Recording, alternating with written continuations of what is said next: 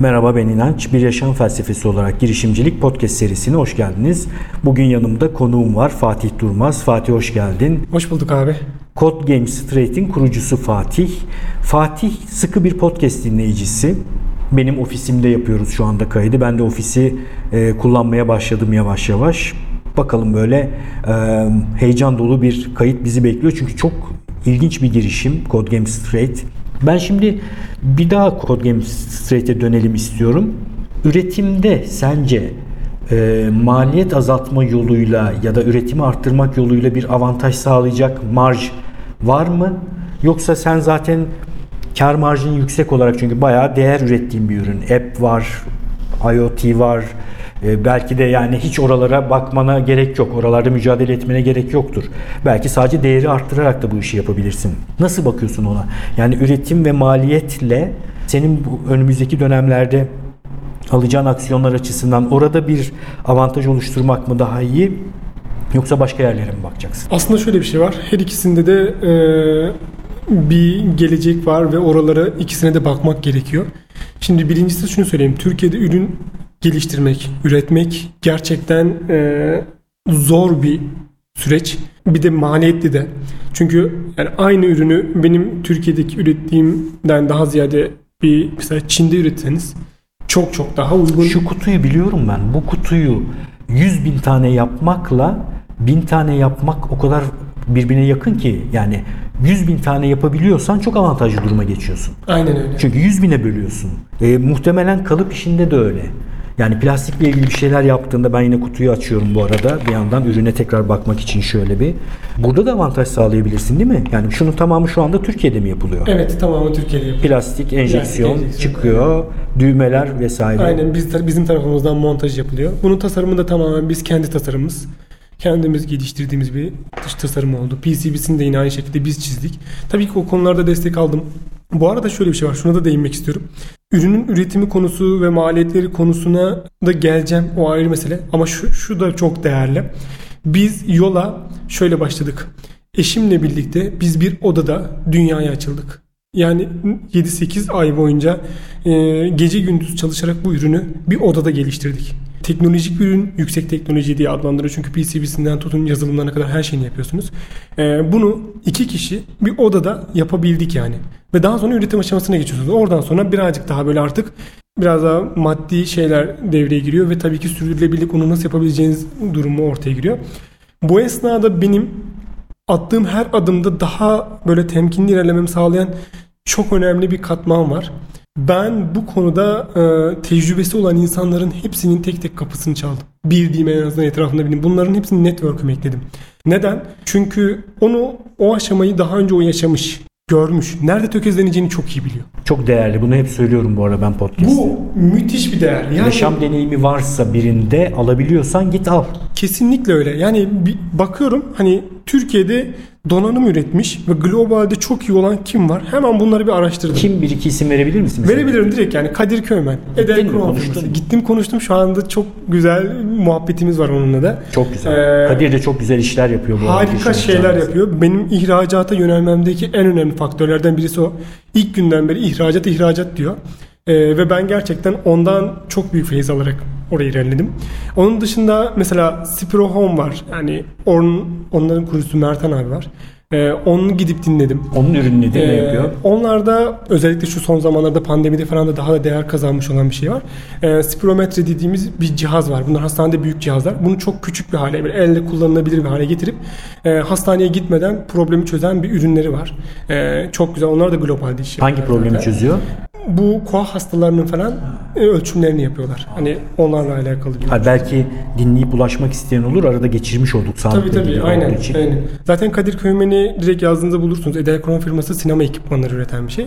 Ve Amerika'da bir arkadaşım vardı hani e, Alperen diye. Onlar da bir kulaklık geliştirdiler ve bu kulaklığın birçok yazılım e, serüveninde ben de yer aldım. E, orada da bir ürün nasıl geliştirebiliyor, hangi adımları izlemek gerekiyor? Bütün bunlar konusunda e, onların bütün deneyimlerinden faydalandım. Ve bunların her şeyi sordum. Mesela kalıp yaparken nerede hata yaş- yaşayacağımızı, kaç kere revize edilmesi gerektiğini, bunların için neler yapmam gerektiğini bana tek tek söylediler. Dedi ki bak böyle böyle. Satışa çıktığımda ne olması gerekiyor? İhracatı nasıl yapmam gerekiyor? Hani bunun için hangi aksiyonları almam gerekiyor? Bunları bu tecrübesi olan insanları bulup tek tek sordum. Hatta Berkay abi var. Ee, onlar da Option'ın mesela işte çok büyük bir yatırım alarak hani e, Yazılım şirketi. Yazılım şirketi aynen öyle. Ee, onlardan da mesela Berkay abi böyle ona ulaşması da biraz zordu. Zorlaya zorlaya bir şekilde ulaştım ona ve onun da çok değerli fikirlerini aldım. Ee, yani bildiğiniz bu tarz değerli kişiler bulduğunuzda kapılarını zorlayın. Yani onunla mutlaka Türkiye'de özellikle insanlar ulaşabildiğinizde size fikir verme konusunda çok cömertler bu arada. Aynen Yani öyle. kültür olarak o açıdan çok iyiyiz. Ee, bir şekilde se- seninle aynı alanda çalışsa bile insanlar sana fikir veriyorlar. Yeter ki git, sor, iyi bir şekilde ulaş. Bir soru bir genç ya da yeni girişim yapacak olan birisi IoT alanında çalışmak istiyor. Senin donanımına yakın ya elektrik elektronik mühendisi ya bilgisayar mühendisi ya da bir mühendislik okumuş ve uygulamayla birlikte böyle bir ürün geliştirmek istiyor IoT alanında.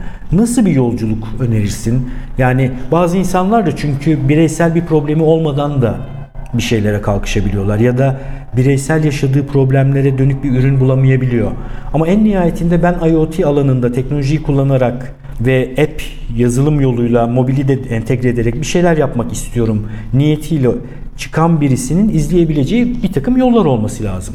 Kim mesela mobil uygulama geliştirmek istiyorum ya da oyun geliştirmek istiyorum dese ne deriz? Şeylere bak, en çok satan oyunlara bak. Bir takım şirketleri incele, e, grafiklere bak, satışlara bak, bölgelere bak ve kendine şöyle bir yol çiz diye bir şey önerebiliriz. Sen senin alanın için nasıl bir yol önerirsin? Ben de şöyle bir yol önerebilirim. Etrafına bir hemen şöyle bir göz gezdirsin ve şunu desin. Acaba etrafımdaki bu nesnelerden hangisini akıllı hale getirebilirim diye düşünsün. Çünkü buradan başlıyor.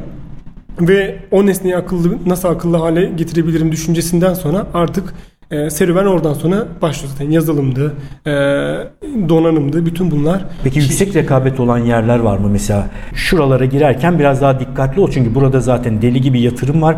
Deli gibi insanlar çalışıyor. Örnek vereyim. Mesela bir aracın daha akıllı hale getirilmesi alanında muhtemelen deli gibi çalışılıyordur. Ya aslında şöyle bir şey var. Ee, bunu demek çok doğru değil. Çünkü bazen kişilerle aynı problemi çözerken e, siz daha farklı görebiliyorsunuz. Çok sevindim bunun doğru olmamasına. süper. Gerçekten. Bazen çünkü şöyle oluyor. Ya birileri herhalde bunu dünyada çözmüştür diye düşündüğün öyle e, ilginç şeylerin hiç üzerinde düşünülmemiş olabiliyor ki pat diye sen dünyayı kurtarıyorsun. tabii tabii bizde zaten şey var. Ee, bir şeye başlarken ya bunu zaten yapmışlardır var. Tabii. Böyle bir şey yok. Gerçekten yok. Belki de onu ilk siz düşündünüz ve e, yani bunu zaten yapmışlardır deyip geçmek şey bir şey değil. Ama girişimde şu var. Bir girişime başladığınızda şunu çok iyi. Neyde yani onu sizin bebeğiniz olacak. Onunla yatıp kalkacaksınız. Girişime başlarken mutlaka o işten zevk alabileceğiniz, e, onu sürdürebileceğiniz bir şey tercih edin. Çünkü belli bir süre sonra ya ben bunu yapmak istemiyordum ama bir şekilde girmişim buraya olayına girerseniz yani oradan sonra sizin için yap, güzel şeyler ortaya koysanız da ızdırap haline gelebilir. Doğru. Ben içerik içinde şu an aynı şeyi söylüyorum. En önemli kriter sürdürülebilir yapmak bir şeyi. Aynen öyle. Sür, yani para gelmese de sürdürebilmek, kimse ilgilenmese de sürdürebilmek, e, en mutsuz olduğun zamanlarda da sürdürebilmek, hiç kimse ilgi göstermese bile sadece o işle uğraşıyor olmanın kendisinin keyifli olması gibi bir sürü şey ekleyebiliriz. Peki işin ticari kısmına baktığımızda şu soru geliyor aklıma. Ben de mesela her gün öğrende dönemsel olarak yaşadığımız bir şeydir. Tam böyle çıkmaza girdiğini düşündüğünde birden bir müşteri sana bir ışık tutabiliyor. Böyle şeyler yaşadınız mı bu dönem içerisinde? Yani tam dibe düşerken ne bileyim pat diye bir satın alma, pat diye yeni bir ülkeye satış. Şimdi böyle durumlarda bana bir müşteriden ziyade eşim çok büyük de- destek oldu. Neden? Ee, ben öncesinde kurumsalda çalışıyordum. Şimdi başta bir kurumsalı bırakmak zaten çok zor bir şey. Hani zaten senin o podcast'te şeyi her dinlediğimde diyorum ki Evet Fatih güzel bir şey yapmışsın. Bu da doğru bir şey yapmışsın. Hani o banka kuyruğu var ya. Onu her dinlediğimde zaten çünkü gerçekten o servisi ben servise bindim. Saatlerce orada düşünüyordum. Ee, sabahları giderken serviste uyuyup yakalabiliyordum. Falan ve kurumsalda şöyle bir şey var. Maalesef kendi içimize çalışıyoruz. Dışarıya bir şey vermiyorsunuz. A kurumundan B kurumuna bir şey yapıyorum. B kurumu bana yapıyor. Yani para oradan buraya geliyor, buradan oraya gidiyor derken arada bir anda yok olup eriyip gidiyor ve bütün çalıştığımız fakirliğimize çalışmak oluyor. Ve daha çok çalışırsak daha çok fakirleşiyoruz. Böyle kötü bir durum Döngü var evet. Ve en kötü yanında şöyle bir şey var. Sizin belki de çok çok güzel yapabileceğiniz şeyler varken kurumsalda maalesef bazı şeyler sabitleşmeye başladığı için artık rutine bindiğinde insan rahatladığını düşünüyor. Öyle bir şey yok. Rutine bindiğinde sen körelmeye başlıyorsun. Daha kötü bir hale geliyor. Şimdi benim tam böyle sıkıntıya düştüğüm, ne yapacağım dediğim sıralarda kurumsaldan ayrılırken de eşim dedi ki yani ayrılmak istiyorsan amaçların buysa bunu birlikte hedefleyelim, birlikte yapalım. Tamam, okey, ayrılabilirsin dedi.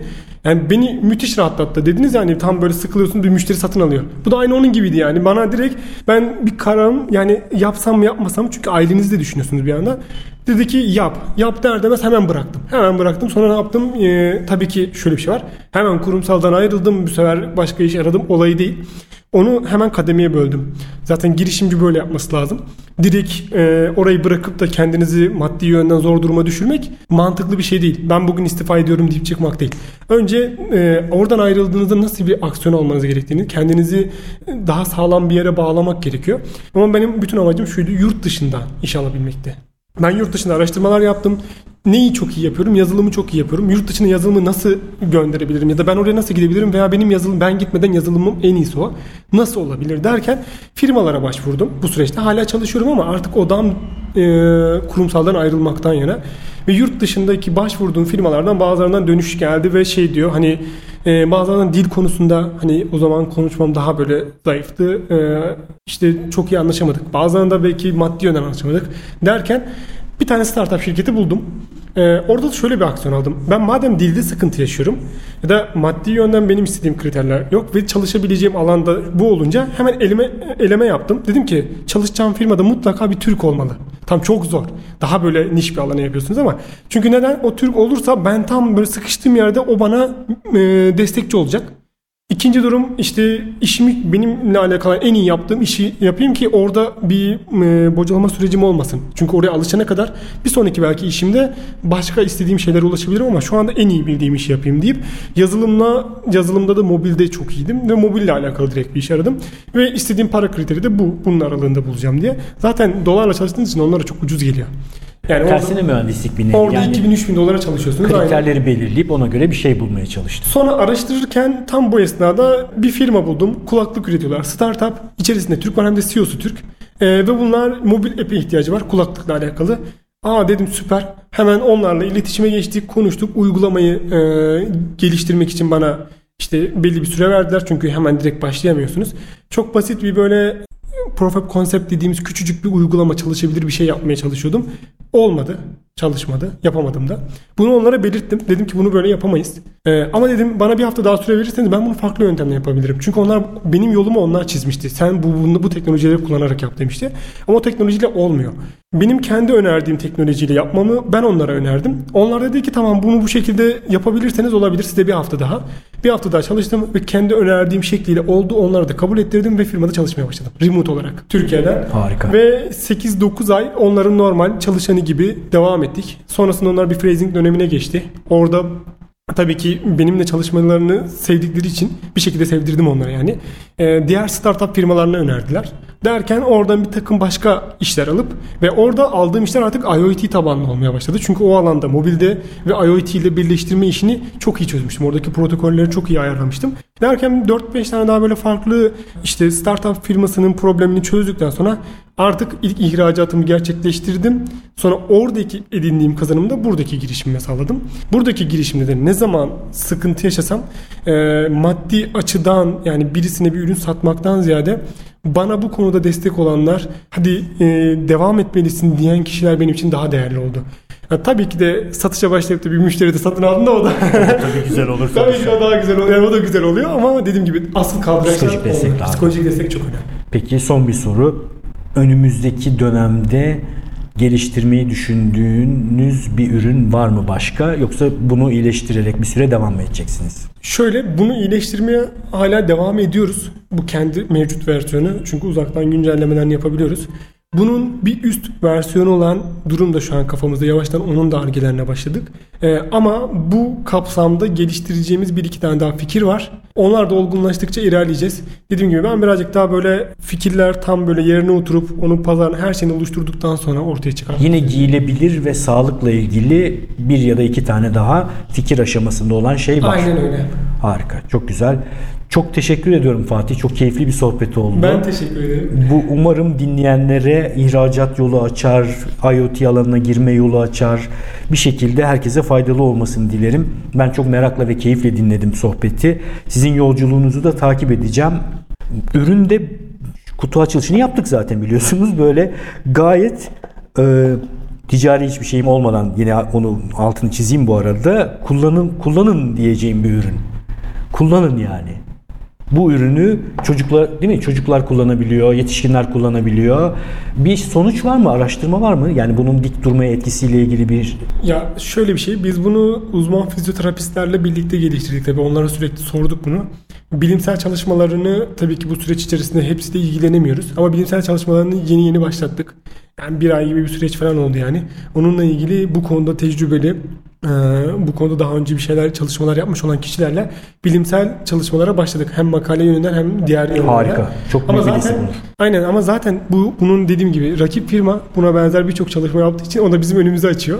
Biz onları da direkt onlara önerebiliyoruz. Çünkü sonuçta dediğim gibi rakibin burada çok büyük avantajları oluyor. Giyilebilir teknoloji yoluyla dik durmaya etkisi açısından onlar bir şeyler yapmışlar ve etkisi zaten görülmüş değil mi? Aynen öyle. Zaten görmüş ki biz de zaten kendimiz testlerini yaptık ama bilimsel olarak kanıtlamasını yapmadık. Şöyle bir şey var. Şu anda 7 7'den e, 70'e herkes kullanabilir. Ama çocuklara yönelik doğrudan hani e, bir reklam çıkmıyoruz. Çünkü dediğim gibi bu bilimsel çalışmadan sonra onlar da olacak artık. Çünkü çocuklar kullanabiliyor.